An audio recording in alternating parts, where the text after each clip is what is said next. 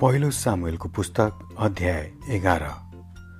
साउलले अम्मुनीहरूलाई जित्छन्। एक महिनापछि अम्मोनका राजा नाहास आफ्ना सेना लिएर गिलादको इलाकाको याबेस सहरमा आए र त्यसलाई घेरामा हाले। याबेसवासीहरूले नाहासलाई भने हामीसित सन्धि गर्नुहोस् र हामी तपाईँलाई आफ्ना राजा मान्नेछौँ। नाहासले जवाफ दिए। एउटा शर्तमा म तिमीहरूसित सन्धि गर्नेछु। म सबैको दाहिने आँखा निकालिदिनेछु र यसरी इजरायलको बेच्चत गरिनेछ।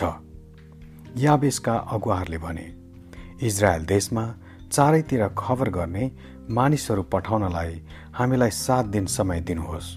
यदि कसैले हामीलाई मद्दत गरेनन् भने हामी तपाईँलाई समर्पण गर्नेछौँ। दूतहरू साउल बास गरेका गिबामा आए। र खबर दिएपछि मानिसहरू हताश भई रुन लागे। साउल आफ्नो खेतबाट गोरुहरू लिएर भर्खर घर आउन लागेका थिए। तिनले सोधे के भयो? किन सबैजना रोइरहेका छन्? याबेसबाट आएका दूतहरूले भनेका खबर तिनीहरूले साउललाई सुनाए। यो सुनेपछि परमेश्वरका आत्मा तिनमा उत्रि आउनुभयो र तिनी झोकिए। तिनले दुईवटा गोरुहरू लिएर टुक्रा टुक्रा गरी काटे र ती टुक्रा लिएर दूतहरूलाई सारा इजरायल देशमा यस्तो चेतावनी दिएर पठाए जो जो समुयल र साउलका पछि लडाइँमा जाँदैनन् तिनीहरूको दशा पनि गोरुहरूको जस्तै हुनेछ। परमप्रभुले इजरायलका प्रजालाई के गर्नुहुने होला नि भन्ने डर भयो र तिनीहरू सबैजना एक साथ भेला भए। साउदले तिनीहरूलाई बेजेकमा भेला गरे। त्यहाँ इजरायलबाट तिन लाख र यहुदाबाट तिस हजार मानिसहरू आएका थिए। तिनीहरूले याबेसबाट आएका दूतहरूलाई भने तिम्रा मानिसहरूलाई भन कि भोलि मध्य दिनको अघि तिनीहरूले छुटकारा पाउनेछन्। जब याबेसका मानिसहरूले यो खबर पाए तिनीहरू साह्रै खुसी भए र नाहासलाई भने भोलि हामी तपाईँको सामुन्ने समर्पित हुनेछौँ।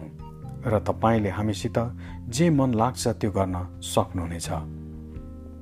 भोलिपल्ट बिहानै साउलले आफ्ना मानिसहरूलाई तीन दलमा छुट्याए र मिरमिरे उज्यालो हुँदा तिनीहरूले शत्रुका छाउनीमा दौडेर गई अम्मोनीहरूमाथि हमला गरे। मध्य दिनसम्म तिनीहरूको संहार गरे। बाँचेकाहरू जति छरपष्ट भएर भागे।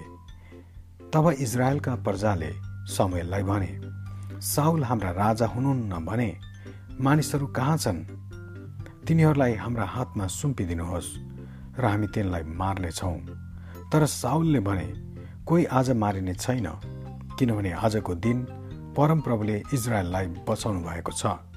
अनि सामुएलले तिनीहरूलाई भने हामी सबैजना गिलगालमा जाउँ र फेरि एकचोटि साउललाई आफ्ना राजा भनी घोषणा गरौँ। यसरी तिनीहरू सबैजना गिलगालमा गए।